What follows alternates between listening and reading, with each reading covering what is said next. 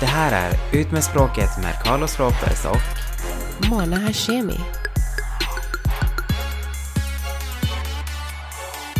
Så jag såg asfina bilder och Ooh. videos från en fest du var på i helgen. Um, What happened there? alltså jag var på en förlovningsfest, min, vad säger man, här, min systers mans syster, vad blir det? Finns det något lättare ord? Din systers mans syster. Jag Hennes tror det blir svägerska. svägerska faktiskt. Ja, förlovade sig Mm. i OC så jag var där och ehm, jag eh, borde tagit fler bilder för jag tog inte riktigt, alltså jag såg så här bilderna som jag fick, jag fick faktiskt till dem av min systers man idag och nej, tycker inte alls det blev bra. Bara mina selfies som jag tog själv blev bra. Men det var kul. Uh, alltså de spelar persisk musik hela tiden så jag dansade ingenting. Jag hade världens jobbigaste klackar på mig så jag satt ute hela tiden och bara chilla och typ så här snackade med folk och så. Ja. Och jag såg, eh, I saw some familiar, some familiar faces. I've been, vad säger Lil Kim? Been, been to a lot of places in a lot of faces. Vadå, träffade du många av dina ex eller vadå?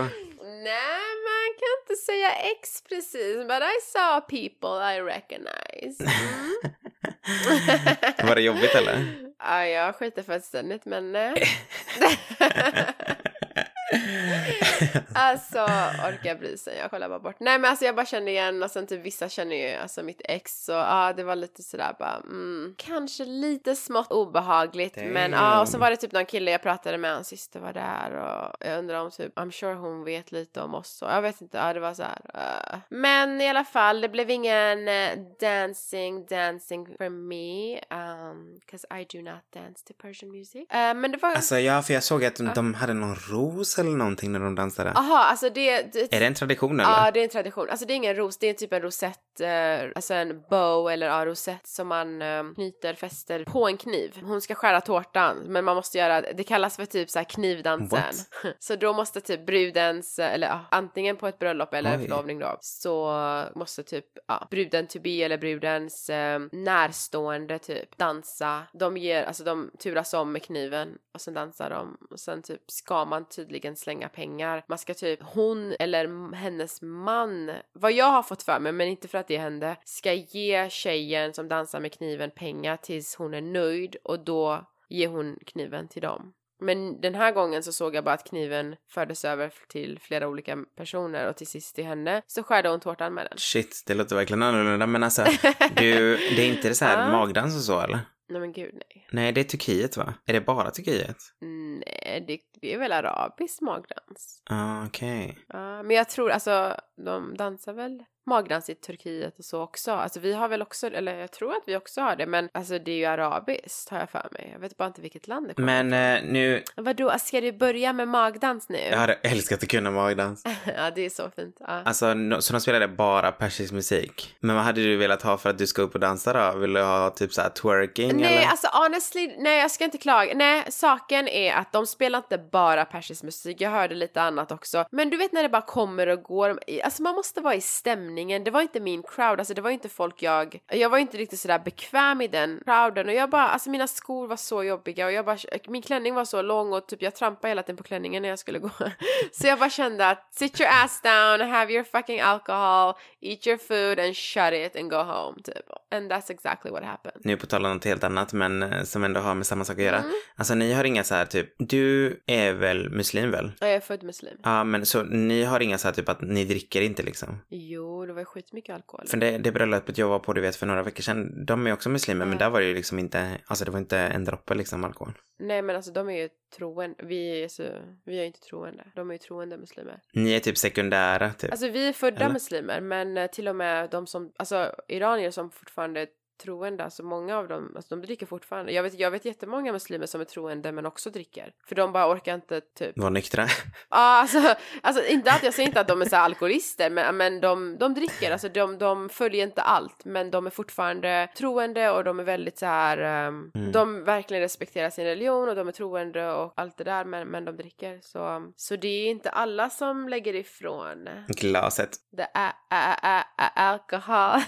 Men hur funkar det typ så här här, om jag till exempel, om vi säger nu att du, du ska gifta dig, eller du har en förlovningsfest, Mm. och du i, det, i, i sig är typ väldigt troende. Tänker du då typ så här att nej men jag får nog faktiskt inte ha alkohol på min förlovningsfest och så får alla bara gilla det? Eller är det så att man bara, ah, ja, jag får nog ha alkohol ändå för de som verkligen dricker liksom, fast jag gör inte det själv liksom. Och inte kanske min partner heller. Nej, alltså jag tror, nej, för att om det är min fest och min tro, då ska det vara mina regler. Så om inte jag dricker och jag är troende och jag Ja. inte dricker för den anledningen, inte, inte om jag inte dricker för att jag har typ så här leverproblem, då vill jag inte Nej. att mina gäster ska lida. Men, Nej, men om precis. jag inte dricker för att det är verkligen min tro och speciellt om min partner också är likadan och Ja. det är, det är min kväll. Alltså vad fan ska jag servera alkohol när det är verkligen, när det är något som jag är emot? Så nej, om, Ja, om det hade varit, alltså om det hade varit min tro och jag, och jag liksom inte drack själv och så, så hade jag ju absolut inte velat servera alkohol på min fest. Nej, Ja. nej det låter smart. Men samtidigt så om jag är troende och inte dricker och halva festen är likadan men min man dricker så um, då hade jag nog säkert varit öppen till alkohol för att det är hans kväll också. Ja, det är sant. Men det där är nog väldigt individuellt. Alltså jag kan tänka mig att man har, om den ena dricker och den andra inte dricker kan jag Ja. tänka mig att det blir det är stora diskussioner om hur man ska göra med, med den frågan. Ja, alltså jag vet ju folk som typ, alltså de kanske inte, de äter inte griskött men deras partner gör det. Så det finns griskött i kylen men de äter inte det. Och han eller hon gör det. Okej. Och sen finns det också folk som ehm, liksom du måste konverteras eller du får absolut inte, om inte jag gör det ska inte du heller göra det. Jag vill inte ens ha det i huset. Oj då. Så det är väldigt individuellt exakt. Jag tror inte att alla följer just de Mm. bitarna 100% fastän man är liksom väldigt ehm, troende och verkligen, du vet, ber och dyrkar sin religion och följer all, alltså andra lagar i religionen. Men du säger att du är född muslim. Mm. Ja, man, man väljer ju inte vad man är född som. Men jag tänker mig så här, är du född muslim som att du är född och gör så mycket som möjligt Nej, nej, nej, av? alltså jag råkar bara vara född, nej. Eller är du bara, jag, Jag är råkar- född bara och sen Ja, jag liksom vara född äter jag Burger King liksom när jag... Jag tror, I, I draw my line at God. Om jag får fråga, är det samma sak med hela typ din familj? Alltså, eller är det någon som fastar till Ja, exempel? alla är, hela min familj. Alla fastar? Nej, jag menar ingen är religiös. Ingen är religiös? Ah, Okej. Nej, vi fast, jag har aldrig fastat. Ni fastar inte? Okej. Nej. Fan, jag borde kanske gå ner i vikt lite. Gud vad hemskt. Fast jag hörde att det inte är så bra egentligen att hålla på Är sådär. det sant? Alltså, du jag vet- att det du blir, vet för- ja, men för att det är bra att kroppen- fasta, att man blir så här... ehm, Var det muslim som sa det eller vadå? blir man lite så här... Nej jag kommer inte, alltså nej, alltså jag menar, men för, för det är inte bara muslimer som fastar, det är väl så här, så judar har väl också så här, de fastar väl också någon gång och, och kristna också nu under påsk. By the way, happy Easter! Thank you. Du firar väl, alltså du är ju kristen. Nej, alltså jag är faktiskt inte någonting. Jag tror jag vet inte ens vad jag föddes till. Men du är säkert född som Satan. kristen, alltså. Men du är väl född som Satan? Nej jag skojar. Ja, typ. Jag har men inget annat att tro på. Vet du vad? vet du vad jag tycker är svårt? Det, det måste vara väldigt svårt att inte kunna dricka vatten. Ja, för fan. Speciellt, du vet, under de Eller? här månaderna när det är, alltså, Ja. jag tror att fastan börjar väl maj eller någonting Ja, nu i år. det hade nog varit Så det är för fan svårt. som, alltså det är början av sommaren liksom, det är svinvarmt och Ja. du får inte dricka förrän det är mörkt ute. Alltså jag, alltså de som klarade, good for you. Ja, verkligen props alltså. Jag tror inte att jag hade klarat det. Jag är sån gris alltså. Nej, nej, nej, alltså jag tror att jag hade, jo men jag hade klarat det kanske två dagar Nej typ. men jag sen är hade jag varit så här fucked up i huvudet jag är typ. sån. När min hjärna, alltså vet jag att jag inte får äta så blir jag så extra hungrig. Mhm, precis. Så det är mitt problem. Men, eh, men jag, själv, jag tycker själva fastan, nu vet jag inte hur det funkar, alltså reglerna för kristendom och, och eh, judendom, men själva fastan för alltså muslimer, anledningen Gud, jag hoppas inte jag säger fel nu och skämmer ut mig. Men anledningen till att den kom, alltså jag tror att det är, det är för att man ska uppskatta maten eller det man hör och Mm. man ska känna hur det är och ehm, liksom inte äta. Och sen när, man, när fastan tar slut så, åh gud, jag hoppas jag inte säger fel. Jag tror att man ska ha typ en fest och sen ska man Jo ge. Ska man inte typ ge pengar eller mat till de fattiga? Eller det är någonting också man ska göra tror jag. Mm, ja men precis, jag tror att de gör det för att, de, för att man ska känna hur Mm. typ eh, hemlösa har det och sådär. Mm, ja men det tycker jag är fint. Och sen i slutet tror jag att man gör den här stora festen. Ja men precis, Mm. tanken i sig är ju asbra. Men om man tänker liksom så här, jag tror inte att det är bra, alltså inte överhuvudtaget dieter Ja det och sånt där en Jag tror inte att det är bra för typ diet, va? kroppen. När man inte äter och sen äter man på kvällen. Exakt, och det blir ju så här, jag tror inte att, alltså du vet kroppen ställer ju sig in på att det är överlevnadsmode. Alltså det är så här, vi drar in allting just nu för att vi måste kla- alltså klara, alltså överlevna. Ja, och då tror jag det. att det blir så här, ja men det sätter sig på ett annat sätt. Alltså jag tror att det blir fett på ett annat sätt och det jag tror inte det är bra. Jag tror inte man Men går vet du vad? Om, om fastan sker under, eh, alltså om fastan sker om man är i Sverige och det är så här kallt och, och så här höst och vinter. Det hade gått skitbra för mig för att jag vaknar typ tre på eftermiddagen. Ja, precis. Gå och lägga dig sju och då har det blivit... Nej men typ, alltså jag hade lätt kunnat bara, ja ah, men den här månaden ska jag verkligen vakna sent och det är kallt och mörkt ute så det kommer bli mörkt några timmar efter att jag har vaknat och alltså det hade ju gått galant. Förutom att man har ett jobb kanske. Du pratar som att man typ Ja, har inte ja, har någonting men- att göra i livet. Typ såhär va. Ja. Jag vaknar väl vid tre då. Så att det ledigt en månad. Nej men alltså jag tänker Ta med mitt hela din jobb, jag semester skulle... åt att fasta. Fy fan. Men jag, ja men jag hade kunnat göra det och bara börja jobba så fort jag har ätit min första måltid när solen går ner och sen bara jobbar jag och sen sover jag så vaknar jag skitsent. Ja. Alltså jag kan tycka att okej, det hade räckt kanske med maten, men jag tycker att du vet inte dricka vatten. Alltså det är lite väl. Men det kanske finns folk som gör det, att de känner typ att, alltså man kanske har, Ingen som jag har pratat med alltså. ja är det sant? De som fastar, de är såhär, nej, alltså de som fastar har verkligen varit såhär, nej, alltså. För jag tror att jag hade blivit svimfärdig kanske. Jag vet inte. Ja, men ja, ja, sen är man ju, du vet så här, okej, man kanske inte ska klaga här i Sverige vill säga. För att, mm, jag menar, du, ska, du hade kunnat vara i Turkiet för fan.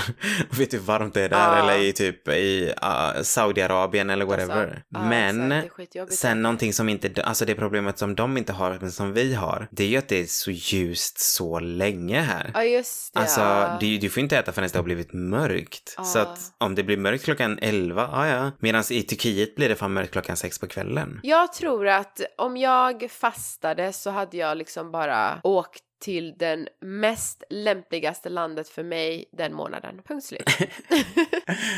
Du och jag borde göra det någon gång alltså. Bara så sticka en dag. en, en vecka typ någonstans och bara typ så här, känna hur det är typ. Ja, fast typ så här hitta ett lämpligt ställe där det blir mörkt snabbt och det är inte alls kallt. Men jag antar att eh, eftersom Mecka är ändå huvudpunkten, det måste väl ändå vara så nära bra som möjligt liksom eller? Vad menar du så nära? Bra? Alltså Nej, jag tänker mer att det blir, alltså de har inte så lika många soltimmar kan jag tänka mig som alltså många andra länder. För det ligger ju ändå så pass långt ner. Hmm, jag har aldrig tänkt på det. Kanske, men det, det brukar ju vara så vad jag förstår det som så är det ju typ närmare ekvatorn du är desto kortare blir dagarna typ, alltså ljusmässigt. Typ. Ja, vi får väl kolla på det då om vi ska ta en liten fasta trip. Kan vi ta och börja nu i år? I år blir det nog, jag måste nog eh, förbereda mig mentalt om jag ska göra en fasta vecka, så nästa år kanske. Men när fasta kristna? Jag vet inte, alltså grejen är att, du vet mina, i Peru så är man ju katoliker. Mm. Så de har ju väldigt speciella saker, men, eh, men jag har ingen aning för Det att är jag har väl ju nu alltid... under påsk har jag för mig att man fastar. Ja, det kanske det är. Jag kommer bara ihåg att jag var, jag, jag tror att det var min gammelfaster. Hon, nej, Uh, jo, nej min, min faster bara blir det förresten. Hon är bara gammal.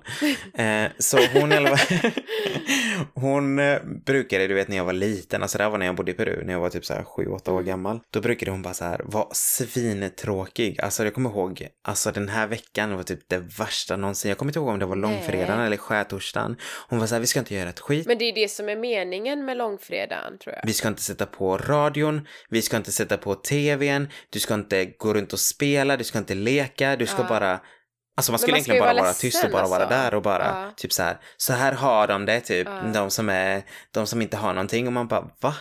Jag kan väl åtminstone få mina små kulor, alltså så jag kan spela med dem. Och inte, nu menar jag inte de små kulorna utan jag menar alltså sådana du vet. We don't mean your blue balls. ja. Som man hade när man var liten, du vet med en liten grej i. Genomskinliga Mm, typ. Så du typ hatade påsken när du var liten? Ja, i alla fall när jag var hos henne, vilket var typ, jag tror att det var, jag tror bara det var ett år, men jag är rädd för livet. Stackarn. Så, no. Ja.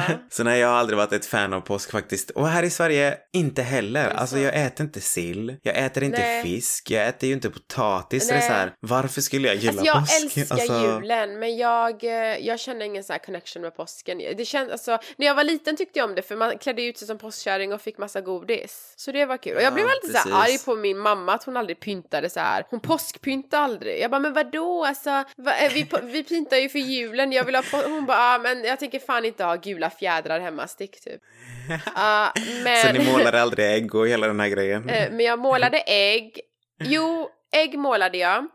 ägg målade jag och sen eh, var det, eh, så blev jag postkärring också och typ knackade på dörrar med mina Jag vänner. tror att jag faktiskt också var godis. postkärring ett år här i Sverige när jag flyttade hit för min syster. Du var ingen postkärring, du var en påskho.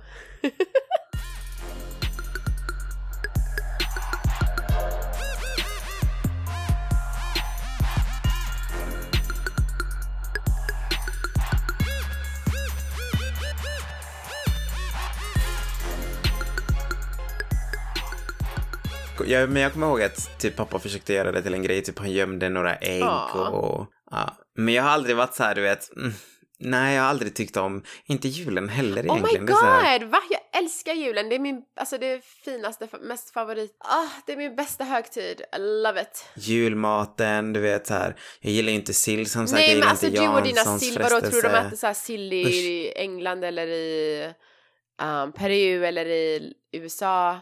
Alltså skit i silljäveln, alltså, jag har aldrig ätit sill i hela mitt liv, jag tror inte det, jag kommer inte ihåg för det stinker skit. Men, Ja, det gör det.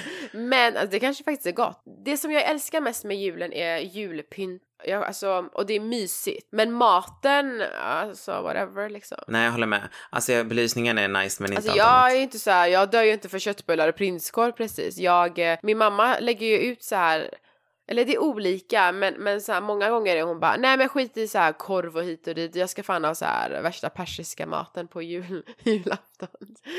Det är vad gästerna vill ha. Men det är ändå kul så här man dricker vin och fan inte glugg har jag inte haft på ett tag. Men ja, det är själva mysstämningen och belysningen, that's it. Precis, jag, alltså jag älskar ju belysningen och alla de tända ljusen och hela den biten är jättenice. Men just när det kommer till julafton. Kommer du ihåg att vi körde förbi en sån här kyrka så gick vi in och så tände jag ljus. Det tog ju så här en boomerang på mig till och med. Julen. I julas. Åh, det var faktiskt mysigt. Ja. Men vi så här kom sent till kyrkan och alla bara kollade på oss. De hade ju typ en, de hade ju någonting på G. Ja, jag tror de hade någon gudstjänst av något slag. Jag fattar Ja. ingenting. För det var ju en söndag så det kan nog ha varit det. Men de Ja. såg ju på oss att honey, you don't belong here. Det, alltså, well, jag var där för att bykta mig. Då jag var, jag var... det här var inte långt från tredje Långgatan heller som är typ såhär strippklubbsgatan. så Nej, nej, alltså jag hade ju precis jobbat klart passet så jag var ju där för att bykta mig. Men jag, jag visste inte att det var gudstjänst på gång. De bara, ah, here they come again. De typ gör massa jävla sins during the day och sen kommer de hit och biktar sig och tror att det är okej liksom. But God forgives. nej men på riktigt, alltså är det, nej men jag, jag vet inte, jag tycker julen som sagt är mysigt i sig, men jag är, jag är mer så här, snälla kan vi inte göra en icke-julig jul typ? Nej. Jag, jag tror att det Nej. två år som när jag och mamma fick bestämma, du vet så här, så var jag så här, snälla mamma kan du inte bara så här, på riktigt, jag vill inte alls Va? ha julmat typ så här. Vi kan göra hemmagjorda pizzor eller någonting. Jag vill inte göra någonting med, med julen. Och hon var så här, ja men visst. Så jag, jag kommer inte ihåg om det var ett eller två år som vi verkligen var så här, nej, ingenting med jul liksom. Alltså jag gillar Ikeas, alltså Ikea har god så här, julmat om man bara vill gå och liksom ha julmat. Ja, jag men, men min mamma är så här, jag orkar inte hålla på och köpa allt det här skitet som jag sen slänger. Så hon lagar verkligen persisk mat. Mm, fan vad gott. Alltså hon gör skitgod persisk mat. Sen tror jag det enda juligt är väl julmust säkert. Ja, julmust. Ja, det är Ja. nice. Och, och så här, ja men så här, of course pepparkakor och lussebullar och typ glugg och sånt ibland. Men, men inte maten. Nej. För att, jag vet inte, alltså det, alltså let's be real, alltså Thanksgiving-mat, amerikansk julmat, svensk julmat och så, alltså det är inte, det är mer en tradition och bara för att man kanske inte äter det så ofta så blir det så här, ah, typ så här nu ska vi ha julmat, men det är ju inte så här en gourmet, alltså det är inte så här oh my god, så värsta så jul, ja, fast bara för att det händer en gång om året så kan det ändå vara gott eller sådär, ja, samma sak med Thanksgiving, alltså jag tycker Men inte det. Thanksgiving, det har ni bara i USA va? Ja. För det har vi ju absolut inte här. Men till exempel nyår i Peru, Mm. där är det ju så att nyår då äter du kalkon. Alltså du har, de, de, det gör man ju på liksom Thanksgiving gör en kalkon. Ja. Ja, för det har alla tyckt att det har varit så konstigt typ. Man äter kalkon på nyår. Men min Men det är en mamma sån gör grej så här i Peru. kyckling istället för skinka. Ja, ja, det är väl smart. Ja, vi har aldrig faktiskt ätit griskött hemma. Ni har aldrig ätit? Alltså inte, nej, inte på grund av necessarily alltså religiösa skäl men Ja. så judar äter ju inte heller griskött. Ni har aldrig ätit vad sa du? Griskött. Vi köper aldrig, alltså vi har aldrig köpt det, haft det hemma. Okej, så du har aldrig ätit en chorizo då? Men... eh, Jo, det har du. Jo, alltså jag, jo, ute har jag ätit. Alltså jag har ätit det så till och från, på dagis, på fritids. Jag har typ, alltså det har ju hänt så här att man har blivit så här skit eh, hungrig efter klubben och tagit en chorizo och sådär. men, men, men, men det har aldrig varit en grej att jag liksom äter det veckovis, att jag liksom att vi köper hem och lagar mat med griskött. Det är inte, alltså, för, alltså mina föräldrar har aldrig växt upp med det så det har aldrig varit så att, alltså, och jag tycker inte ens att det, alltså för mig är nötkött godast så jag tycker inte lammkött är gott heller så det har inget med, eh, like I said, det har inget med religiösa grejer. Alltså jag tycker inte, om jag kan äta nötkött varför ska jag äta griskött eller lamm som luktar? Ja. Jag tycker lammkött luktar. Ja. Ja, jag tycker också det faktiskt. Jag har aldrig varit ett, en fanatiker av lamm. Alltså. Grejen är att lamm måste vara verkligen speciellt, speciellt gjort. Och det, alltså det, Ja. Jag har ätit lamm som har varit Ja, gott. exakt. Men jag, alltså det är Ja, en av också, tio gånger alltså, på riktigt. En av tio. Men äter du griskött? Ja, alltså jag har ju, jag äter bara griskött. typ.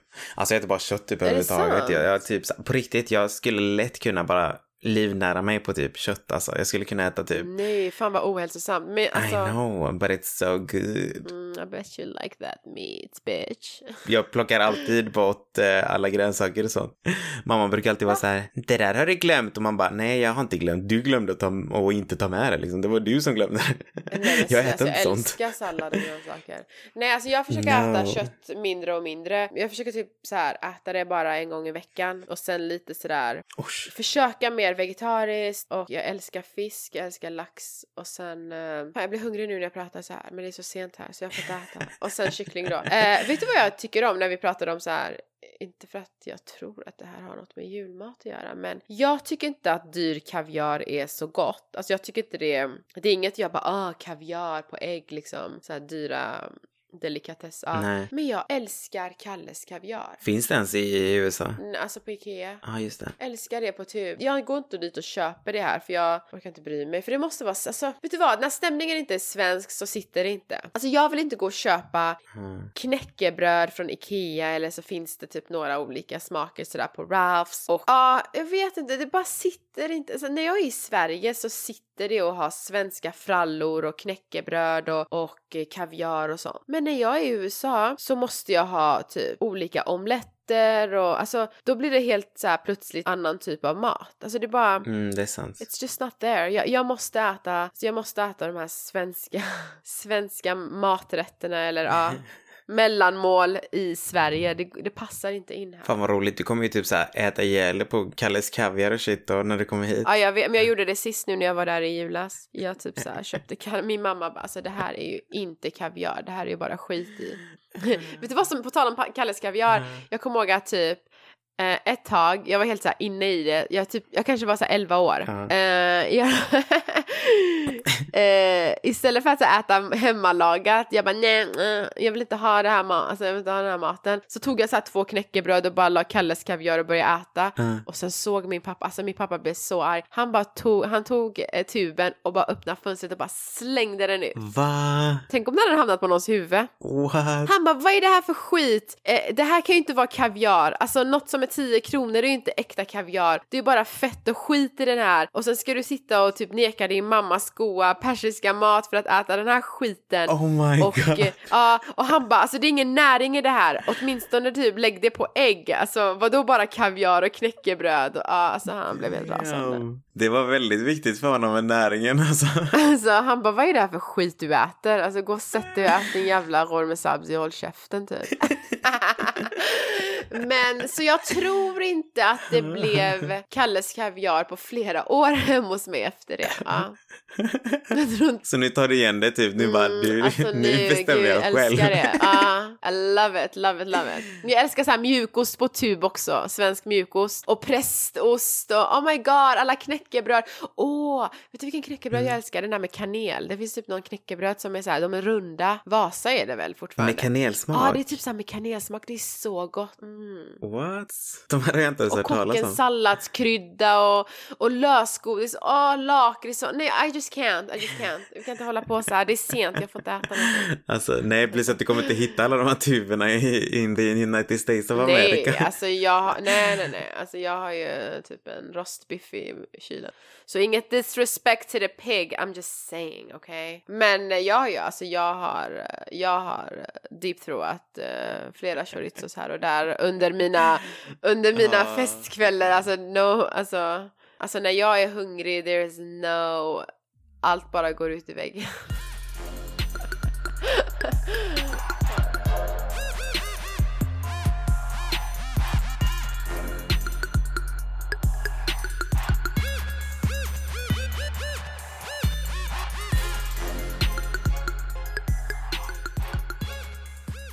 Du vet, jag såg en dokumentär om klädindustrin. Alltså, oh my god, det var helt sjukt. Jag, jag såg det med mamma. Alltså, jag mådde så dåligt. Mamma mådde också dåligt. Alltså, tro mig, Nej, när man såg av jag bara, allvarligt talat, jag är typ en hemsk människa typ. För jag, jag är ju van vid att köpa rätt mycket grejer, alltså kläder och så. Men jag har aldrig sett liksom hur mycket det har påverkat världen typ. Alltså, till exempel, Alltså miljön och så. Ja, alltså det är efter oljan så har klädindustrin den mest påverkan i hela världen. Alltså Carlos, folk vill inte höra om miljön och klädindustrin, de vill höra om ditt sexliv. Jag vet, men alltså jag måste bara berätta. Jag vill också höra om ditt sexliv. Vi kommer inte prata om mitt sexliv idag. Vi kan prata om det någon annan gång. Men, men fatta typ att i Sverige så köper vi i genomsnitt drygt 13 kilo nya kläder och textilier per år. Per person alltså. Det är sjukt mycket. Fan, det är mycket. Det är 13 kilo bitch. Det är sjukt mycket. Ja men alltså, åh gud, nu ska du gå in på så här minimalistsnack och jäntelag och sånt. Jag klarar inte av det så här sent alltså. Det är faktiskt inte, det är faktiskt inte jantelag och så, utan det är mer typ så här att jag bara känner typ att alltså man måste kanske, man måste kanske inte köpa så mycket som man inte behöver om man säger så. Du vet, jag kan vara, jag kan vara på jobbet. Nej men det tycker jag, det där, ja men det där håller jag med och det tycker jag handlar om allt. Alltså behöver man köpa sådär jävla mycket mat som man slänger sen? Mm. Behöver man köpa så här massa skit och som du säger nu, ja absolut, massa kläder som man inte ens använder. Nej det håller jag med, jag tycker det är helt jävla onödigt. Ja, men alltså mitt tankesätt tidigare har ju varit så här, du vet, ja men skitsamma, jag är på jobbet, jag går dit liksom. Och sen så ska jag gå ut sen efter att, men det spelar ingen roll. Alltså jag kan gå dit och sen bara går jag i så fall in till Nordstan då. Och sen så bara köper jag bara någonting som jag har på mig sen om vi ska gå ut sen på kvällen. Alltså förstår du? Jag har haft det tankesättet. Och det är det här jag menar att det, det är det tankesättet jag måste verkligen få bort. För att det är så här, om jag har kläder hemma som jag faktiskt kan ha när jag ska gå ut sen ikväll, som jag inte ens har använt, då kanske jag ska ta med mig dem till jobbet och lämna dem liksom där. Och sen är det så att man går ut sen efter jobbet så Ja men det är ju klart, alltså nu är du bara lat. Ja, eller bekväm. Eller du vet, så här, Alltså jag har du bara är inte helt ja, tänkt. bekväm, alltså vad fan tror du? Bara ah, jag ska gå och köpa någonting bara efter jobbet. Alltså herregud, vad fan tror du att du är jävla primadonna?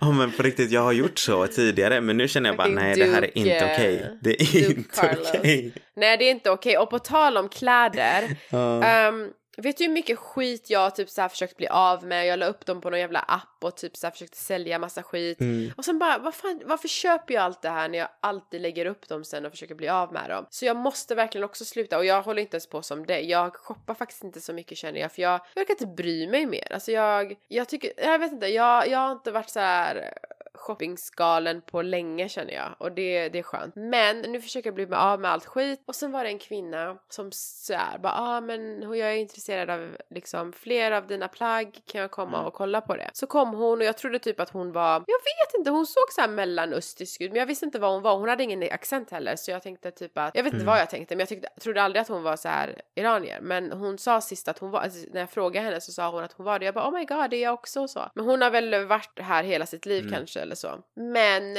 stackarn, alltså hon köpte flera grejer från mig och jag gav henne massa kläder gratis och jag sa till henne att jag kommer ge henne i slutet av den här månaden kommer jag ge henne massa kläder och jag har pratat med min systers uh, mans mamma som alltid har massa skit. Jag bara nästa vecka när jag kommer till OC bara fyll på min bil med allt skit så jag kan bara ge den här kvinnan. För jag tyckte så synd om henne. Alltså hon har förlorat sitt hem i den här LA-branden som hände typ här i oh. Malibu och Cala, ah, Calabasas och allt där. Och det har gått över ett år och hon, du vet, hon bor i en lägenhet och hon bara, ni fattar inte, alltså folk tror typ att ja, men det är bara ett hus, men det var mitt liv, alltså det var hela mitt liv. Hon visar bilder, hon bara, hon bara, jag hade inte ens tid att ta något med mig, jag tog ingenting med mig, jag bara satt i bilen och körde och det var kolsvart i flera, flera exits var det kolsvart fram tills hon kom fram till, jag vet inte vilken exit, hon bara, då kunde jag liksom se lite och skulle tanka. Ja, ah, hon bara, så jag var typ, jag hade bara ett streck, alltså jag var typ på i, skulle tanka, hade knappt en bensin, jag hade 7% i mobilen och sen kom jag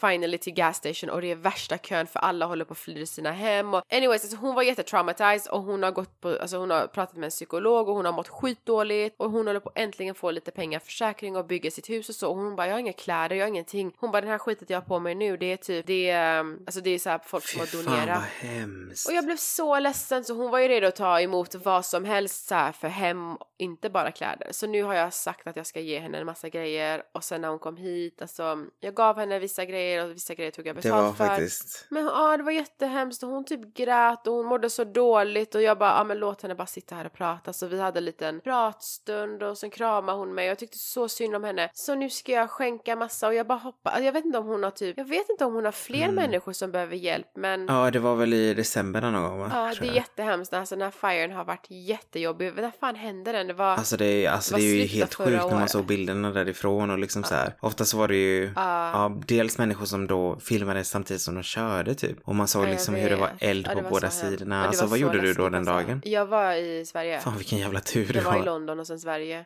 jag vet, så hemskt. Uh. Men, eh, men alltså var det i närheten av där du bodde eller var det bara? Alltså det var väldigt nära. Uh, jag sa till min kompis, jag bara snälla bara flytta min bil. Mm. Jag har typ ett skrin med smycken. Mm. Jag bara om du drar, om du känner att du måste dra, alltså kan du bara liksom gå och ta mitt skrin, mm. lägg den i min bil och bara ta min bil också när, om, alltså, om du har möjlighet. Nej, det är sjukt läskigt, speciellt när man inte är på plats, du vet, och man inte kan göra någonting. Yes, yes, yes. Fan vad jobbigt, tänk om jag hade varit i Europa och så ja, bara... precis. Allting du har liksom så kämpat för och jobbat för bara borta liksom. Everything have just burned down, you got nothing. Jag hade fan dött. Men, men samtidigt är det liksom, alltså jag hade så mycket grejer med mig för jag var ju borta i några månader i London och sen Sverige så jag hade, jag ska inte säga de viktigaste grejerna men jag hade mycket grejer med mig som jag använde och sen eh, mm. resten, ja alltså det är ju grejer också men det jag bryr mig mest om var ju mina smycken, alltså smyckena och sen bilen. Eh, och jag har mina jag har typ ett kontor, alltså jag har alla mina pappersarbeten och eh, vykort och allt sånt sentimentalt. Jag har jag har det någon annanstans, ja, jag har inte det i lägenheten. Nej men det är verkligen sjukt hur mycket folk som har, som har förlorat allt verkligen. Så jag var inte orolig över det. Det var ju mer bara att mina kläder och skor skulle brinna. och även om, även om du kanske har försäkringar och liksom kan så bygga upp sitt liv på nytt uh. så är det, alltså det måste ju vara så krävande psykiskt att verkligen börja om på noll all sentimentalt, ingenting kvar. Hon sa det, hon bara det är ingen som fattar. Mm. Hon bara i mina syskon, ingen fattar. De bara who cares, it's just a house. Alltså hon bara du fattar inte hur, hon bara jag har inte kunnat jobba på ett år, jag har mått så psykiskt dåligt, jag saknar mitt, hon visar mig bilder, alltså det var inget kvar av huset. På ett år, nu var hon en liten drama queen, det hände ju för ett halvår sedan. Ja, jag bara tänkte bitch you better get up and work. Uh. Nej men typ sen det oh, hände har hon inte hon jobbat, ja exakt, ja just det, vad fan gör hon för mig? She was lying to you. What the? Eh? Vänta, när fan hände det här? Hände inte det typ så här i december Vänta, 2000? det här måste vi kolla upp. Va? Men fortsätt att berätta. Nej men gud, har hon suttit och... Nej men nu ska inte jag ge henne kläderna mer. Nej, ska... Los Angeles. Var det inte slutet av 2017? Eller nej? Var nej, det, där var Bel Air Fire. Nu pratar inte jag om Bel Air, jag pratar om Tionde... nu här i Malibu. 10 november 2018. This bitch lied to me. Ah, uh, could She was an opportunist, sorry honey. För hon, för Bel Air, alltså den branden i Bel Air, det var ju 2017, fast det är inte den jag pratar om. Jag pratar ju om den här, ah, Nej, du pratar om den som var i norra delen av eh, hon hade ju sitt hus här, ah. Malibu och What nordväst. the fuck? Ja. Sa hon ett år på riktigt? Ja, hon bara, jag, jag, jag, I couldn't work for a year, jag har gått i terapi nu i sex månader och eh, jag bara, jag är ju så dum och bara står där och bara, ah, oh my god och typ så här, kan inte ens fucking räkna ut i mitt huvud. Alltså, alltså fan, mig går det har att blivit lura. så grundlurad. Alltså, det här var det Alltså, men, men stackarn, men du, eh, det spelar ingen roll. Hon, hon har förlorat sitt hus, hon mår dåligt och hon grät. Ja, om hon nu har förlorat sitt hus och mår dåligt och hon grät. And a bitch that shed tears deserve clothes.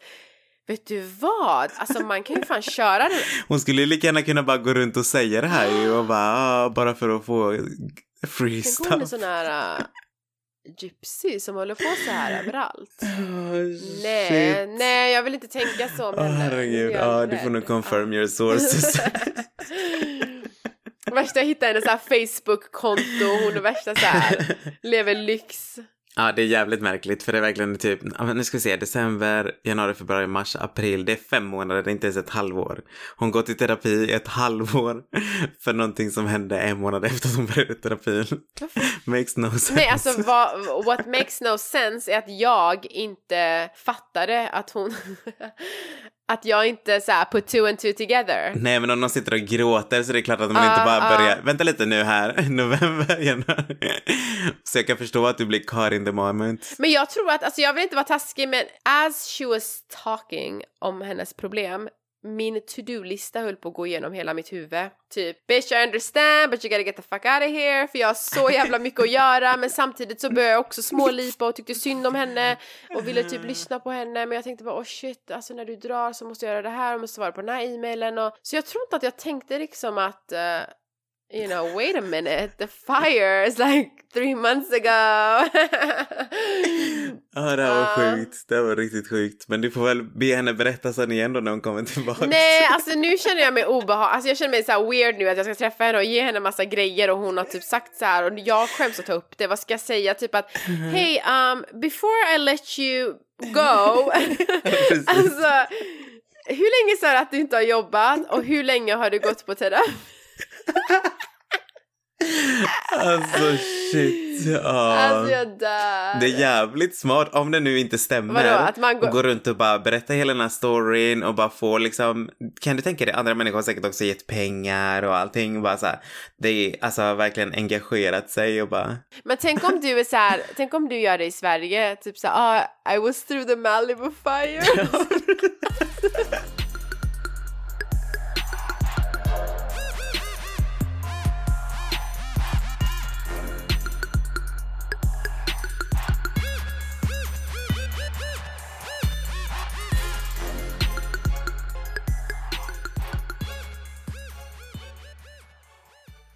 På tal om terapi, jag måste bara säga att um, alltså jag gick på terapi för att jag berättade ju till dig att jag hade ett väldigt jobbigt år 2017 med min pappa, alltså pappa gick bort och så, och, alltså, och mitt ex tog, tog slut och det var så mycket som pågick. Så jag gick i terapi. oj jag beklagar. Jag hade ingen aning om att din pappa hade gått bort. Är det sant? Jag, va? Nej. Jag har för mig att jag sagt det till dig. Nej, men jag hade ingen aning om det. Alltså vi, vi, har, pratat, alltså, vi har pratat om mycket löst och du berättade bara, ja men det var alltså av familjeförhållanden. Det var någonting sånt du sa. Jag När bara, jag var i Sverige. Ja, och sen så antog jag eftersom du bara pratade om din mamma, men, Ah. men, Aha. ja nej, alltså inte ens när vi var i Sverige, du vet, du har aldrig sagt någonting om det. Ja, men det var därför jag gick till kyrkan och tände ljus. Det var för honom.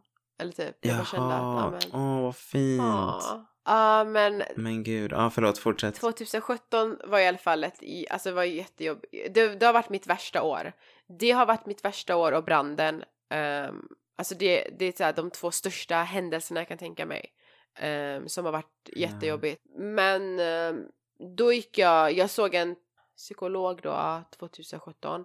Hon var en riktig så här give it to me straight. Alltså hon lät inte mig tycka synd om mig själv och du vet. Hon var riktigt sån, uh, en, hon var en badass bitch och I, I love her for that. Och hon joggar mycket och hon har så träningskläder och joggar och så här. Hon, hon Mm. hade typ alltid på sig det för typ så fort våran session var över skulle hon typ gå och springa. Mm. Eh, det sjuka är att jag, eh, jag var på en så här, alltså där närheten där jag bor, det finns typ en så här ställe man kan springa på och så en liten park och sådär. Så jag bara, ah, men här ska jag typ jogga idag eller jag ska, jag ska typ vara ute och så här, gå i naturen eller whatever. Så ser jag någon som kommer mot mig, alltså från långt håll som typ, jag bara fan jag känner igen den här kvinnan, fan är hon, vad fan bekant hon ser ut. Så jag bara oh shit det är ju fan hon och det är Mm. så jävla weird men jag, jag kände bara att det var så weird och hälsa Mm. på henne utanför hennes kontor Mm, typ. Speciellt när hon vet så här mycket om mig. Fan vad hemskt. Ja jag vet så jag bara oh my god så jag var så här böjde mig ner och typ låtsas knyta skorna och ja. Hon gick ju inte precis förbi mig men hon Ja, hon gick ju på andra sidan men jag typ bara vände mig om och så här böjde mig så hon inte skulle så här känna igen mig. Men jag tyckte det var så här skitobehagligt men sen jag bara oh my god. Men jag, det sjuka är att jag frågade henne när vi hade så här therapy. Jag bara ah men hur gör du om du så här skulle se någon? Hon sa att jag säger inte något förrän den personen själv säger hej och acknowledge att typ den personen känner mig. Och då kan jag säga hej tillbaka. För att de har ju så här tystnadsplikt och ja, man, de ska inte typ gå fram till dig och bara ah, men hej och du vet så här. Tänk om jag är med någon som sen ska bara ah, men vem fan var det där typ. Men var du själv när du var ute och joggade? Ja. Men varför ville du inte prata med Jag henne? vet inte, jag tyckte det var så här weird att hon skulle se mig efter så här många månader och bara Jag vet inte hur man kan, re- alltså det var det, jag kommer inte ihåg hur man skulle reagera riktigt när man såg sin terapeut eller. Nej, eftersom du hade öppnat upp dig så mycket för henne. Ja, och jag känner typ att, fast ändå ville jag bara säga till henne typ att allt är helt okej nu. Du har så rätt, tiden läker alla sår. Jag är inte, alltså jag är inte ledsen anymore and I don't give two shits about that asshole. Och I moved on och jag har precis kommit från Europa. I had Vi so om much fun. Ja, nej, vi pratade om ditt text när du säger att det var ett shit För vi pratade innan om... om Ja, eh, nej, min pappa, nej, min pappa. Så just to clarify, vi pratade om Ja, bränderna ex- innan om din pappa så att det är inte han vi pratar om nu. Nej exakt, of course Ja. not. Nej nej nej. Men, men det var så, alltså jag ville bara, på något sätt jag ville typ så här kontakta henne för, för det sjuka var att när jag slutade min sex månaders session hos henne så hon bara typ lycka till nu och typ du vet, tänk på dig själv, du är den viktigaste människan här och typ sådär och ehm, Mm, och sen, vänta jag måste läsa hennes sms, jag har fortfarande kvar den. Mm. För jag bara den här kommer jag aldrig ta bort. Oj. Sen gick jag, jag, jag sa Mm. hej då och gick därifrån. Så I guess så fort jag gick och satte mig i min bil så har hon väl typ sprungit ut för att gå på sin lilla joggingsrunda liksom. Hon satt inte kvar, hon hade väl ingen efter mig. Ehm, så skrev hon så här till mig, hej, nice wheels, alltså hon diggar min bil. nice wheels, take, take care and make life Mm. about you, not negativity of others. Fan vad bra. Ja, jag tyckte det var gulligt att hon ens liksom smsade mig efteråt. Så jag Mm. bara, ah, thank you, I will work on it. You've been amazing. Så jag vill bara typ fan se Ja. henne och bara säga till, till henne och till alla andra att 2017 var rena helvetet. Men fy fan vad tiden läker alla sår. Mm. Alltså det är jättemycket annat som man kan göra, hjälpa till, alltså på traven, terapi, resa, du vet meditera, det Mm. finns så mycket som hjälper. Alltså vet du att, vet du vad som, vet du att så här dofter hjälper? Alltså doften av Dofter. j- jasmine och lavender, det är så bra mot depression och ångest typ. Va? Så diffusers, doftljus. Och vet du vad som hjälpte mig? Det är helt sjukt. Alltså du vet när man säger att Nej. music, alltså musik är like food, food for your soul. Alltså det är så här mat för din själ. Jag hittade en så här fransk station, Indila heter hon, hon är så jävla grym. Ja, jag vet vad det är. Jag älskar henne. Ja, älskar, älskar henne. Men om du, alltså ni har ju inte Pandora, tyvärr. Men om du lägger in henne, om du hade lagt in henne i Pandora så kommer alla, alltså det kommer så här massa franska låtar som är i den stilen. Och många av dem så har en väldigt så här klassisk bakgrund, alltså det är inte så här fransk hiphop eller pop eller så, för Nej. då lyssnar jag på engelska liksom. Men ehm, det är så här skitfin, så här lite klassisk musikaktigt, men det är ändå text och så, det är inte värsta så här Mozart och så. Nej. Och varje dag, alltså jag såg fram emot att bara sitta i min bil och köra dit jag ska eller whatever, bara så jag kan lyssna på, alltså den här Pandora stationen var på hela tiden, hela 2017 och en bit, eller ja, från, från mars 2017 och en bit in till 2018. Och det, alltså det har varit nästan lika viktigt som alltså att gå på terapi. Och nu när jag lyssnar på de låtarna, det är så här bittersweet du vet. Det är fortfarande jättefint men jag får mm. så här mm. weird minnen av en dålig period i min liv. Men ändå, så musik alltså hjälper mm. skitmycket. Men i alla fall, bottom line vad jag försöker säga ja, är men det det tiden läker alltså alla sår. Man kanske aldrig glömmer och man saknar och massa sånt men det spelar ingen roll vad alla säger men tiden, man kan göra, man kan göra grejer som hjälper på traven men, men alltså man ska veta att när det går en viss tid så gör det mindre och mindre ont no matter mm. what it is. Ja men det, var, det är verkligen yes, jätte, jättefint men det, det är som du säger, uh. alltså jag kommer ihåg också när jag, när jag gick igenom så här jobbiga perioder i livet så tyckte jag också att mm. musik var liksom det, alltså det var det största jag vände mig till. Jag kommer ihåg jag brukade sitta ner och typ skriva egna texter till låtar som redan finns typ uh. och så här ändra texten ibland eller uh. så hittade jag bara texter som jag bara kände shit det här talar verkligen till mig typ. Det här är verkligen beskriver det jag känner just nu typ. Och det, det var så, så häftigt typ att bara kunna använda det som en terapi. Absolut. Så jag kan tänka mig att det är en stor del av terapi för väldigt många och jag hoppas att väldigt många som ja. kanske inte har sett det som en form av terapi verkligen typ så här kollar upp det för att ja. det kan hjälpa faktiskt. Vi är ju båda två, både du och jag är ju levande Exakt. bevis på att alltså, det faktiskt funkar. Musik, eh, som sagt mm. dofter, Um, of course så hjälper det att träna, träna hjälper jättemycket, terapi, meditera, resa, att komma bort från det. Alltså bara att jag åkte till Europa och var borta, det hjälpte så jävla mycket. Synd att jag gjorde det så sent, jag borde ha gjort det samma år. Men jag kunde inte för min syster var gravid och fick barn och min mamma kom hit och mm. var här i sex månader. Så det var liksom, alltså det var den värsta tajmingen att allt det här skedde, allt liksom mm. samma gång typ. Men jag borde, jag, vad jag ville göra egentligen var att liksom bara packa och dra, mm. bara current. Men sen gjorde jag det året efter i alla fall, så det var i alla fall skönt att jag gjorde det. Eh, så om man kan liksom bara byta miljö och resa och kom bort så värsta vi kom in på så här dark Nej men det moments. Men, men och det sjuka alltså min terapeut alltså hon sa samma sak. I'm so sad att jag inte var där under den här tiden alltså. Ah, jag hade verkligen jo. ingen aning.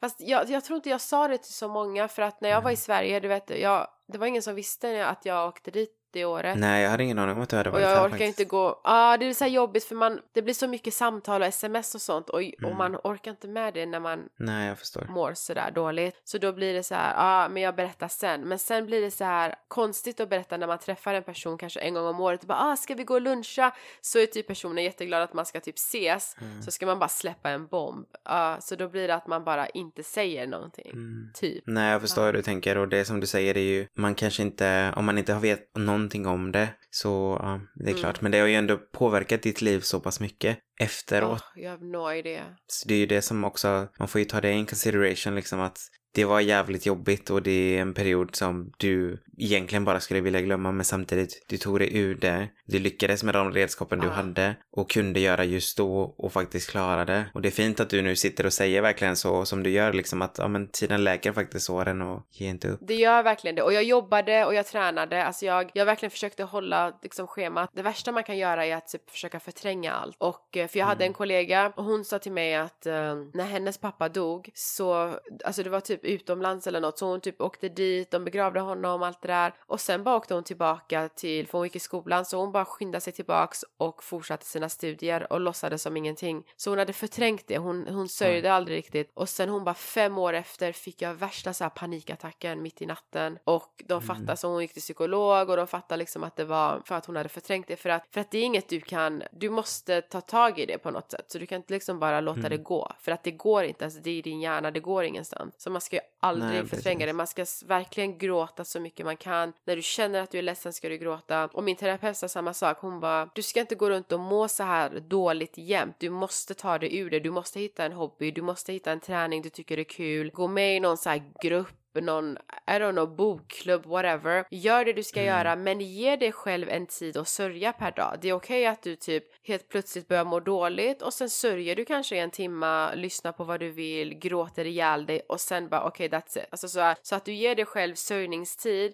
men att det inte tar över hela din dag. Wow, det var ett bra tips. Ja, uh, så det var hennes så här metod mm. att man måste skaffa en hobby och, och keep yourself alltså occupied men ge dig själv, alltså du har all rätt att sörja, all rätt att vara ledsen ledsen och, du- och det får du ge dig själv per dag. Mm. Typ. Det var ju verkligen bra faktiskt. För man har ju ändå liksom förtjänat det. Ja, och som du Ja. säger, jag, jag brukar också tänka så. Eh, jag har ju alltid varit sån liksom, om, om man känner att man är ledsen då ska man verkligen gråta. Det spelar ingen roll vad du är, det spelar ingen roll vem som Mm. ser. Det är liksom så här, bara låt det. Ja, men precis. Bara låt det komma ut. Typ. Jag kommer ihåg, det här är egentligen Mm. hemskt, men när min eh, farmor gick bort, hon var ju den eh, första som gick bort av liksom farmor och farfar och alla de här. Mm. Vi, var- vi satt i kyrkan och jag kommer ihåg typ så här, jag, jag grät ju, min, min lillebror grät och min styvsyster Mm. grät. Vi alla egentligen grät. Den enda som inte grät det var min minsta lillebror. Eh, Och han var ju liten då. Och jag kommer ihåg typ att jag frågade honom liksom Ja. så här, men Erik, vad är det? Och då, då sa han att nej men pappa har sagt att vi, vi ska inte gråta, vi ska vara starka och det gillade jag inte kan jag säga. Jag var så här, det där är Nej. inte okej alltså. Om, om han vill gråta, låt det komma ut för fan. För att han behöver gråta. Mm. Det, vi är i en kyrka och begraver hans farmor som han var jämt hos. Det är klart att han ska gråta om han vill gråta. Ja. Man skadar tror jag mer genom att inte göra det. Men alltså man ska vara stark när det kommer till alltså, att man ska vara stark och stötta varandra och så. Men klart att man ska få gråta. Så det är verkligen så. Du, jag tror att man gör mer skada genom att, du vet såhär bara, nej nu ska vi vara starka och nu ska vi inte gråta och lalala. Det är liksom, det funkar Mm. inte så. För om man får det överstökat när själva den här perioden är inne, alltså det är liksom Mm. menat att du ska gråta då, så gråter du Mm. bara mindre och mindre senare. Men när du liksom förtränger det så kan det bli, ja det kan ju gå riktigt fel. Det är som du säger, det är bra att det finns redskap och man ska verkligen ta hjälp. Man ska inte skämmas för att vara ledsen, man ska inte skämmas för att söka hjälp. Det finns hjälp. Men det är jävligt, jävligt tråkigt. Ja, speciellt alltså. Men det är en del av livet också så att... Det är till och med bättre att prata med en vägg och skrika ut hur du mår än Precis. att inte göra det. Ja men precis, känslorna måste ju komma ut på något sätt. Till och med om det inte är någon person där. Så att jag tror att om man bara döljer det, om man bara liksom förtränger det, till slut så Mm. kommer det komma ut på fel sätt. Kanske på fel person. Alltså det kanske, det kanske händer en liten, liten diskussion, handlar fel inte sätt, om exakt. någonting överhuvudtaget som är viktigt. Och det bara kommer ut och du vet inte varför det egentligen kom ut. Ja. Jo, det var på grund av att du inte Ja. har jobbat med de här andra bitarna. Du har liksom förträngt Exakt. allting, du har förnekat allting och så kommer det ut på det sättet. Ja. Det, det kan ju påverka ditt yrkesliv i slutändan, det kan påverka ditt familjeliv med andra Mm. ditt, alltså dina relationer med dina vänner. Ingen vill gå runt och få liksom en, en smäll i käften för att du råkar säga någonting och den personen reagerar crazy. Men det är ju för att den har så mycket själv som den måste bearbeta. Och det är Ja, viktigt exakt. att man gör det. Det är verkligen viktigt alltså. Nej, så det är skitbra i alla fall att du faktiskt sökte hjälp Ja, och, absolut. Och Nej, jag bara jag klarar Ja. inte av det här för jag, eh, jag måste bara liksom prata med någon som inte är en vän eller familjemedlem Mm. för att det måste vara någon som inte liksom vet Mm. något om mig. Men vet du hur resten av din familj har bearbetat det? Jag tror att mamma och min bror har bearbetat det som mig så det har bara blivit mindre och mindre men jag tror inte liksom att min syster har riktigt bearbetat det för hon liksom har varit så upptagen med sitt barn. Hon födde ju, hon var ju gravid när det här hände. Så Mm. um, ja, I don't know what's gonna happen there. Ja. Nej. Hoppas, hoppas verkligen att hon, att hon pratar med någon om Ja. hon behöver prata med någon. Absolut. Det måste hon göra. För som sagt, det är det ja, jag, pra, jag pratade med min lillebror om det här för ja, några veckor sedan nu, alltså den mellersta. Och jag sa det till honom liksom att jag tror att, alltså om det är någonting som du vill prata, för att jag, jag har ju alltid varit den i familjen som har varit väldigt så här, nej men jag söker hjälp i så fall, jag går Mm. till en kurator eller jag går till en psykolog, det är liksom inga problem för mig, jag skäms Mm. inte. Och jag är väldigt öppen och jag är väldigt Nej, öppen man med ska mina känslor och så. absolut inte skämmas att prata och söka hjälp. Nej, precis. Medan min lillebror är tvärtom. Alltså han är väldigt så här inåt, han, han håller det inom sig. Ja. Och sen bara märker man, du vet, att bara bam, så, så, ja, det var en incident som hände Mm, och som mm. bara snappade han och jag var så här, what the fuck is going on here liksom. Och då var jag så här, jag gav det Ja, tid. Egentligen något annat. Exakt, jag gav det tid. Jag gav det faktiskt två veckor. För det var, under, det var precis när jag skulle åka till Miami och när jag kom tillbaka satte jag mig ner och pratade med honom. Mm. Och då gick vi igenom det här och jag sa det liksom att jag tror att Mhm. Alltså om det är någonting annat så du behöver prata liksom för att du är nog förmodligen den jag vet här i familjen som inte har bearbetat saker. Och jag vet inte hur dina problem Mm. har varit under din uppväxt. Det har hänt så mycket grejer med hans, ja, med vänner och ja, grejer som jag inte vill gå in på för det handlar inte om mig. Mm. Men som ändå har påverkat hans, hans liv helt enkelt. Och jag tror att det är viktigt att liksom så här tänka på att nu när du har en dotter, som han nu har då, att du får faktiskt tänka på att du kommer, det kommer spegla sig på henne. Så har inte du gått igenom dina grejer och verkligen tagit tag i alla dina före detta problem men som fortfarande finns i bakhuvudet så kanske du överför det till ditt barn i slutändan för att du säger fel saker, för att du inte har liksom kontroll över vad du säger för att du kanske snäpar det för snabbt eller du vet, det kan vara små, små saker som triggar igång ditt beteende som du kanske inte ens vill. Förstår du? Mm. Jag hoppas, hoppas, hoppas verkligen att han lyssnade. Det kändes som att han verkligen lyssnade och jag hoppas att han, Alltså han man kan i alla fall prova det och se vad man tycker. Exakt, ge det en chans i alla fall. Jag tyckte det var jätteobekvämt i början när jag höll på att berätta min, alltså exakt allt som har hänt Mm. och hon var ju tvungen att sitta och skriva ner och sen typ andra gången. Jag tror att det börjar bli lite skönt runt tredje gången. Mm. Jag kommer ihåg att en morgon jag mådde så dåligt och jag hade, det var samma morgon som jag hade tid att du vet, träffa henne och jag bara liksom grät hela vägen när jag körde till henne och, och jag längtade att bara få sitta ner och prata med henne. Oj. Och det är så skönt. Ja, det var så skönt. Ja. Nej, som sagt, bara det är värt att testa. Det är så här, vi alla har tid och kan lägga undan den tiden för att faktiskt testa det. Är det så att det inte är någonting för dig, För att må bra liksom. precis, då är det väl ingenting för dig, men då har du åtminstone testat. Men man ska nog inte avfärda det innan man åtminstone har gett en chans. För att du har ingen Nej. aning om hu- om det kommer göra nytta eller inte förrän du väl har testat. Och man måste hitta en liksom, psykolog som är rätt för dig. Alltså det är inte alla som är... Jag typ så här researchade en del. Jag vill inte ha någon som var för ung. Jag vill inte ha någon med min egen bakgrund. Um, jag vet inte, jag bara ville ha någon så här kvinna som är lite sådär i medelåldern och Mm. amerikan. American. Ja. och hon vet vad hon sa till mig? Nej. Hon bara... Hon bara, jag tror att du, nej, slutet du vet när det var klart sex månader, hon bara alltså vill du fortfarande gå i terapi eller, för min försäkring täckte de här sex månaderna, Mm. hon bara vill du fortfarande gå i terapi eller eh, är det klart liksom? Jag bara nej men jag tror att det är bra nu typ sådär. Hon bara okej men alltså du kan söka och kanske få mer. Men jag föreslår att du går till en, eh, en persisk, någon med persisk bakgrund. För att ni har sån komplex kultur att eh, ni måste typ så här, sitta och ljuga och gömma allt och det är så mycket som jag Sa hon vet om. För jag, hon bara, jag har jobbat med iranier så jag vet, ex- ah, hon bara, jag, jag har jobbat med iranier och jag vet exakt hur ni funkar så jag vet om det. But I don't understand it. Jag tycker det är jättesjukt att, att ni typ så här inte säger Oh vad ni my tycker God. för att det är fult och går runt och mår dåligt över, alltså jag kunde säga jättemånga grejer, alltså jättemycket så, så här skit som jag mådde dåligt över att jag måste typ tvingas göra för att om jag inte gör det kommer, alltså min familj tycker att det är fult och de kommer undra vad jag är och varför kommer jag inte och hjälper till och så, men jag orkar inte ens gå ut ur Mm. sängen och sen hon bara, men vad fan, säg att du inte orkar, jag bara, oh you don't even know, like, jag kan inte säga, jag, alltså. I can't. Och hon bara, jag förstår inte, jag, du måste ha någon med din egen bakgrund som kan rätta till det här för att eh, Mm. I know about it, I just don't understand it typ. Och jag bara, jag, det var då jag bara Mm. tänkte, fy fan vad vi är fucked up alltså. Att man ska hålla på och typ så här sopa allt under mattan Mm. och gömma och det är skämmigt och det är fult och like who the fuck gives a shit egentligen? Jag orkar inte, nu är det klart alltså med sånt. Jag har ju alltid sett dig som en väldigt öppen, öppen person. Men jag kan tänka mig att du har, du har fått gå igenom en hel del för att komma dit du är idag alltså. Ja, verkligen. Och jag har verkligen försökt, ehm, jag har försökt typ så här inte skapa konflikter och när du skapar konflikter så blir det ju mer pity, alltså folk undrar åh nej, alltså aha, mår hon så dåligt? Eller då blir det de här telefonsamtalen och allt sånt som man vill undvika. Så jag har ju liksom, Mm. alltså jag har ju fortsatt till vissa då, hållit på att låtsas att allt är helt okej.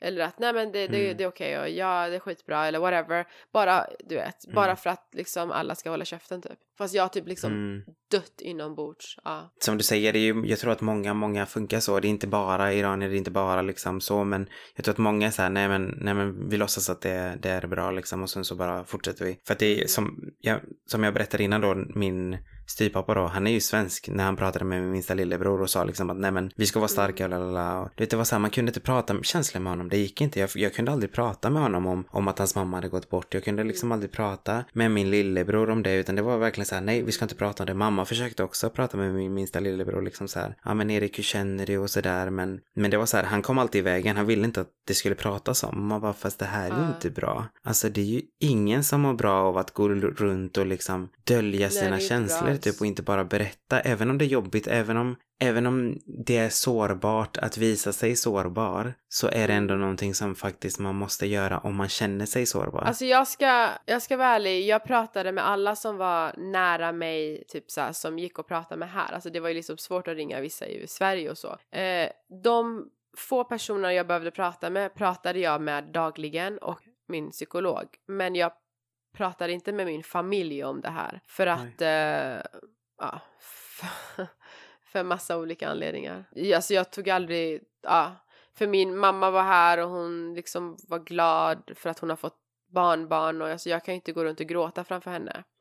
Nej. Så det gick ju inte att ta upp mycket med henne.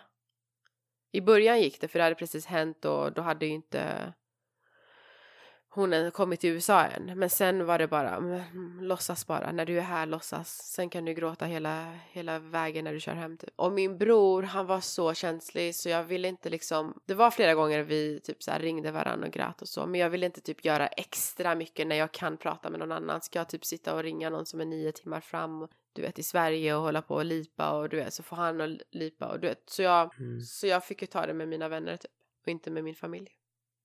Usch vad hemskt. Mm, det är faktiskt hemskt. If you think about it. Men det, det var bad timing så. Det är faktiskt hemskt för att jag känner, jag, jag känner att det är liksom det, det är ändå så pass stor uh. del för ni alla sörjer ju. Alltså ni går ju alla igenom. Det är ju en väldigt viktig person för er alla. Det kanske inte är en lika viktig person för dina vänner egentligen. Eller din terapeut. Exakt, så egentligen så förstår ju inte de lika mycket. Nej, precis. De förstår ju inte. De känner inte honom. De kan inte relatera till de minnena du har eller ni har. Så att Nej. inte kunna gå igenom det tillsammans, det är rätt hemskt. Jag har typ sörja med dem eller i alla fall, ja, typ när det väl hände och sen bara tjoff tjoff, sopa under mattan och bara ta det som det är. Och skit i liksom att du precis har gjort slut med din pojkvän efter två år också. Allt samma gång, alltså samma månad typ. Ja. Fy fan. Ja, jag höll på att dö alltså. Literally höll på att dö. Ja, jag, jag, kan verkligen tänka mig det. Det är liksom för mycket för någon att hantera. So that's that. Men it only makes you stronger. Som Britney säger, now I'm stronger than yesterday. Nej men det är faktiskt sant. Alltså det, uh. även om det är jobbigt och så, så det är skönt att du har tagit dig ur det och att du inte är inne i det mm. längre. Det är det svåraste jag har förklarat hela mitt liv. Mm. Fått klara av liksom. Ja, ja men precis. Ja, och det är ändå skönt att liksom... I don't even wanna think about what's coming, but uh. Nej. Nej, precis. Och det, det är som det är. Alltså, man vet ju aldrig. Vad som helst kan hända när som helst. Det här säger jag jämt. Det är liksom så här, man får bara ta det för vad det är. Men nu har du också lärt mm. dig liksom att okej, okay, men jag vill inte ha det så här. Alltså, nu vet kanske du hur du vill ha det med din framtida familj. Liksom att okej, okay, men om mm. någon, för det är det jag känner liksom så här, jag kan inte påverka min styrpappa. För att han, det går Nej. inte. Men jag vet hur jag hade velat ha det om jag hade haft barn. Eller om jag hade haft en, en egen mm. familj. Då vill jag gärna liksom att vi ska kunna vara ärliga. Vi ska kunna sitta här och gråta och kramas med varandra och liksom så här, för att vi alla går igenom samma sak. Vi alla går igenom ja. det här tillsammans. Så att, ja, även om det kanske inte man kan förändra andra människor så vet man i alla fall hur man själv vill ha det. För att vi kommer alla gå igenom det här. Skaffar du barn och liksom så här mm. så småningom de här prövningarna i livet kommer alltid finnas där på ett eller annat sätt. Så att du vet i alla fall du hur du vill ha det. Ja, jag hatar de här prövningarna.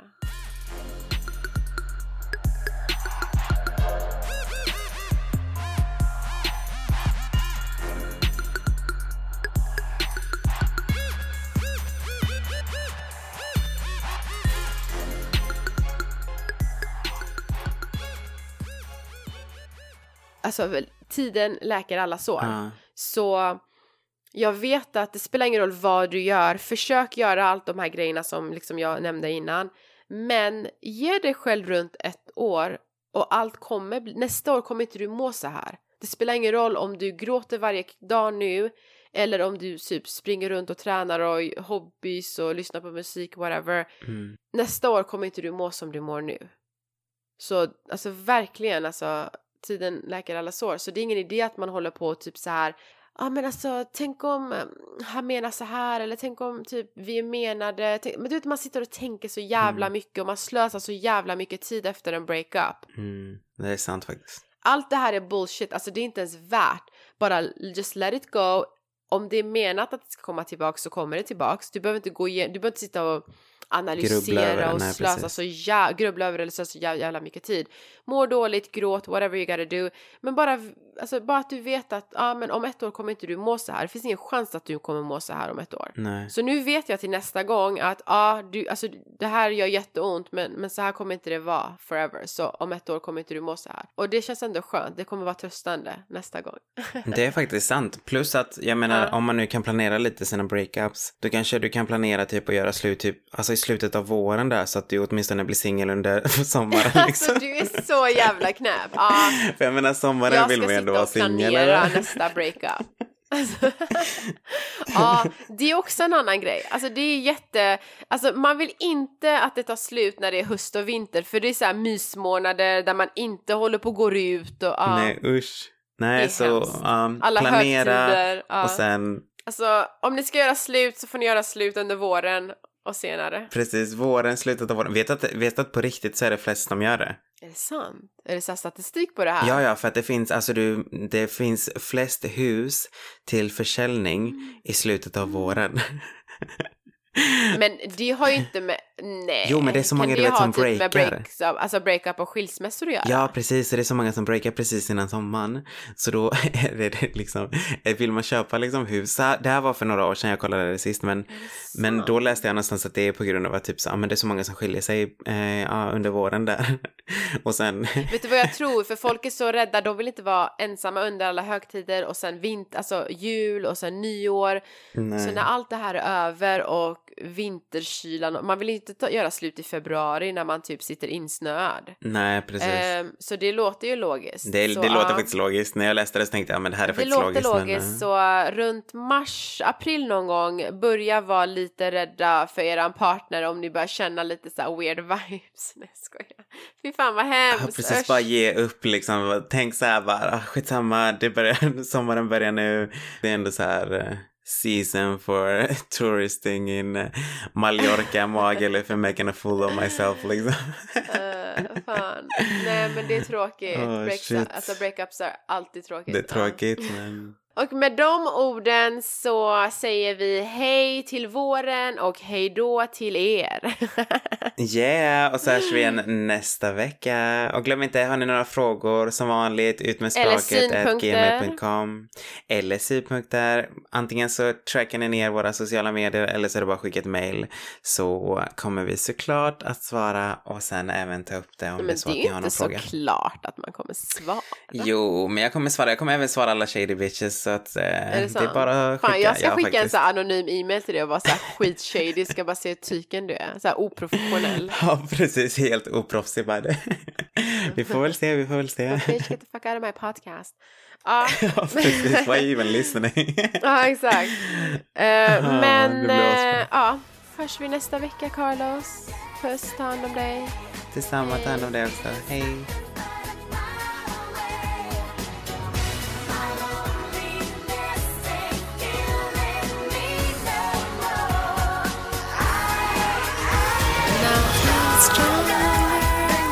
Now